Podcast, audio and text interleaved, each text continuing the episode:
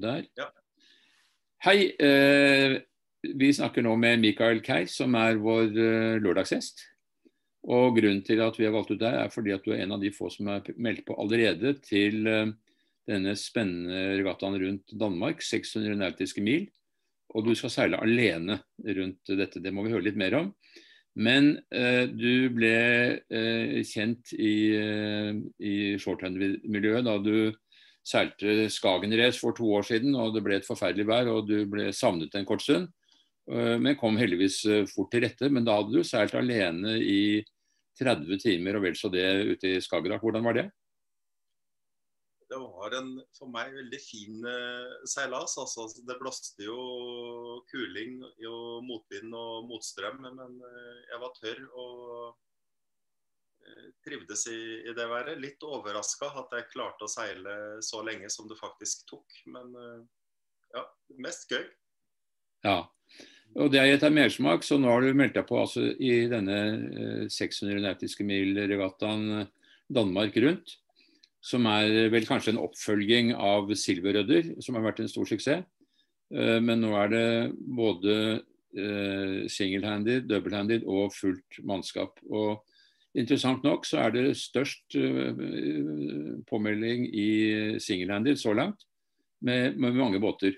Og Hvordan tenker du deg å løse det når du skal seile 600 nautiske mil kystseilas rundt Danmark over så lang tid? Du må regne med å bruke nesten en uke, kanskje? ja, jeg tror nok det tar en ukes tid. Eh, veldig avhengig av været, selvfølgelig, på så lang eh, bane. Eh, Singelhandy-klassen er pålagt å ta pause eh, hvert døgn. Eh, og det har selvfølgelig med det farvannet å gjøre. Det er mye trafikk der, så det vil ikke være forsvarlig eh, å seile der og sove underveis. Så da er det stoppe båten, enten med anker gå inn til kai eh, hva som helst. Eh, og den tiden ble trukket fra da, på seilingstiden, så der blir det mye taktiske valg å ta pause på rett sted. Men da for å få eh, allikevel mest mulig ut av den søvnen, så er det akkurat som du sier, veldig taktisk viktig når du legger pausen. Om du legger når det er lite vind eller mye vind, eller hvordan det er, og strømforhold og alt betyr noen ting. Uh, og så er du litt avhengig av egne søvnbehov også. Du må regne med at du kan kanskje ta en liten høneblund på et kvarter eller noe sånt mens du seiler, men det er jo stort sett lukkede farvann. Det er ikke noen havseilaset der. Det, I hvert fall mesteparten av det går i, i, i brede sund, hvor det er båttrafikk og, og uh, du kan gå på land. Så, så lang sovetid får du ikke mellom disse pausene. Eh, hvordan, hvordan, er dine egne søvnbehov? Hvor lenge tror du at det er forsvarlig for deg selv eh, å være våken eh, på en gang? Det varierer veldig. Det er klart er det godt driv i, i, i båten, så gir det en aktivering som gjør at det kan holde på, på lengre. Eh, hvis det er eh, lite vind og, og vindstille og du er, eller er trøtt, så er det vanskeligere å holde øya oppe. Mm. Eh, så det blir en spennende hvordan det blir. Altså, jeg har ikke seilt en ukes regatta før. Ja. Det er kanskje ikke så mange av de andre som har heller. Men å finne en klokskap der mellom å ha gode ressurser tilgjengelig i forhold til å seile trygt og godt. Og det taktiske med å kanskje komme litt opp på lista, det, det blir jo spennende. Mm. Så er det en annen ting også med den seilasen at du kan velge hvilken vei du vil seile rundt Danmark. og Det vil jo være litt avhengig av værbetingelser, selvfølgelig. Nei, jeg tror det er sånn at uh, vi får vite om det er med eller mot klokka uh, ganske nærme starten. At regattakomiteen avgjør det, men de har begge muligheter å åpne. Ok, Så det er ikke et valg som seilerne selv uh, gjør? Nei, jeg forsto det som at det var regattakomiteen. Mm, mm. Uh, du skal seile en litt annerledes båt i denne regattaen enn det du gjorde i Skagen race for halvannet år siden. du skal seile en Banner 28, og det er en ganske liten båt. Men, men, i din klasse så er det båter da fra 25 til 30 fot. Og det er jo sånn det er inndelt denne gangen. Det er ikke, det ikke handikap på lys eller IOR, eller, eller IOR seiler man noe lenger, men ORC eller, eller den type ting. Nå seiler man da scratch innenfor sin klasse, og du skal seile i da klassen mellom 25 og 30 fot. Båten din vil kunne gjøre seg bra der. Jeg håper det. det. Jeg har så vidt seilt med den båten. Jeg har kjøpt den for å, å pusse den opp. Den er god i, i skroget eh, og masta. Eh, men eh, det er eh, mye å ta, ta, fatt i, altså. Så jeg tror nok han kommer på, på vannet. Eh, og gjør den ikke det, så kan jeg seile med den mer turbåten jeg har, som er en Nova. Akkurat. Med hensyn til seilskift og sånt, hvordan tenker du deg det? Kommer du til å måtte skifte mange fokker? Skal du ha seil på rull? Storseil er jo en enklere ting å justere opp og ned, men, men, det å skifte fokker er jo ikke så enkelt når man er alene. Nei, og der eh, kommer jeg til å gå for stagkroker eh, i forhold til at det er en del single-handed seiling. Eh, og det gjør det enklere å håndtere seilet. Det tar noe lengre tid, men jeg ser på det som mye tryggere at det går an å få surra fast seilet og ha den operasjonen eh, mer under kontroll enn med et seil som går i et forlik. Mm. Mm. Mm. Apropos sikkerhet. Eh, punkt én når man seiler alene er jo ikke å ramle i vannet. Eh, hvordan, eh, og hvis du skulle ramle i vannet, at du da kan flyte og at noen kan få tak i det. Fortell litt om hvilke sikkerhetstiltak du legger opp til.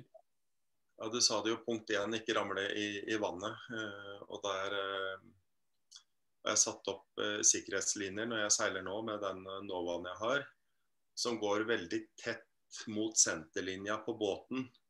Altså mange legger sikkerhetslinjer ut mot relingslista. Eh, tryner du da, så er du antagelig på utsiden av rekka. og det er en veldig vanskelig, uheldig og også farlig situasjon. Uh, så jeg har lagt opp til liner som går tett mot senterlinja, pluss at jeg kan regulere avstanden fra vesten og, og til uh, den løpende lina. men det er det er et litt vanskelig område, og det gjelder å ta det sakte når det er mye sjø og, og, og vær skulle jo gjerne kunne løpt på dekket for å ordne det som uh, trengs uh, veldig fort, og båten trenger over. Men der er det sikkerhet først, ja. ja.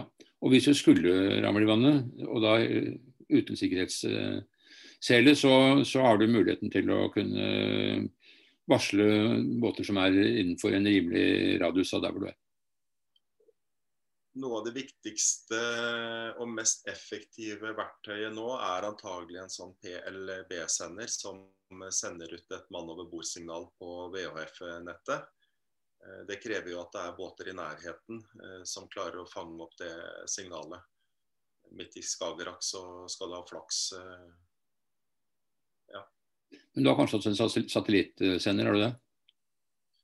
Eh, ja, jeg har også en liten Garmin-sender som jeg kan eh, bære på meg. Den eh, krever at jeg aktiverer den selv. Og den går jo da til en sentral som jeg tror den ligger i USA, som fanger opp signalet og sender det videre til Norsk hovedredningssentral. Det vil ta noe tid, men det virker etter sigende, det også. Mm. Ja, Fortell litt uh, om deg selv utover dette. Du er jo relativt ny i shorthanded-miljøet. Du ligger på 27.-plass på rankingen og er vel kanskje på vei oppover. Men, uh, men uh, det er ikke så mange år siden du tok opp seilingen. Men derimot så har du jo en, en karriere som brettseiler langt tilbake i tid. Ja, jeg er en av de som var ung på 80-tallet når brettsporten kom. Og det, det, var jo et eventyr, altså. Det mm. ble voldsom eh, aktivitet og, og mange som seilte. Både entypeklasser som uh, windsurfer, Dufour, Ving og Mistral. Og etter hvert så kom det andre typer brett og mer slalåm og bølgeseilas og sånt også. Mm. Du var kanskje med sammen med Svein Rasmussen og Knut Rostad og Håkon Iselli og disse gutta? Du var vel, med, du var vel, var i hvert fall med i Milk Cup, så vidt jeg husker? Ja, er de, de, er noen år eldre. Akkurat nå så spiller jo ikke det noen rolle. Men uh, om du er uh, 15-16 eller uh, rundt 19, det, det, har jo mye å, å si. Så Jeg husker Per Ottar eh, Skaar eh, seilte. Han seiler også en del shorthanded eh, nå. Og de andre navnene kjenner jeg jo igjen fra brettseilinga, absolutt. Mm. Denne båten som du seiler nå, eller som du skal seile, den, den Banner 28, det er jo en typisk racerbåt. Men du har jo også da en Nova som du vel kjøpte for eh, til familiebruk. Har det slått til? Ja, i hvert fall i forhold til eh, seilingen. Nå har jeg voksne barn. Eh, og eldstedatteren min har eh, båt og familie selv, så vi ser dem noen ganger på sjøen. Yngstedatteren min er veldig glad i dans. Og jo, hun trives når hun er med, men kanskje pappas drøm om å kunne ha et short-handed team, det, det, er i hvert fall ikke der enda. Fra familien i hvert fall. Ja. Akkurat. Ja, jeg syns at vi har fått dekket en god del. Det skal i hvert fall bli veldig spennende å se hvordan denne seilasen slår an. Det blir jo en stor eh, regatta i Nord-Europa. Eller konkurrerer vel kanskje med Gotland rundt, og er jo en videreføring eh, av Silverøder som har vært en veldig stor suksess. Og den er jo en, den, kanskje den lengste seilasen som vi har i Nord-Europa. 3 i sammenligning er bare 500 nautiske. Ja. Så, og det å seile kappseilas enten du er alene eller med flere i en, en uke, det, det, er jo en utfordring. Det skal ta tid og båten skal fungere og det er mange ting. Så, så det skal bli spennende å følge oppladningen til, til den seilasen. Det betyr vel at du blir å se i en del av regattaene i Indre Oslofjord også går etterfra. Færderen, Hollenderen, noen andre seilaser som, som, samler mange shorthanded seiler etter hvert. Absolutt. Noe blir med Jeg setter opp den båten både for fullt mannskap og shorthanded seiling. Mm. Ok, men nå kommer vinteren, så da har du god tid til å planlegge og mekke på båten din. Og så kommer våren, og så får du ha lykke til med prosjektet ditt. Tusen takk for det, Mikkel. Takk for nå. Takk for praten.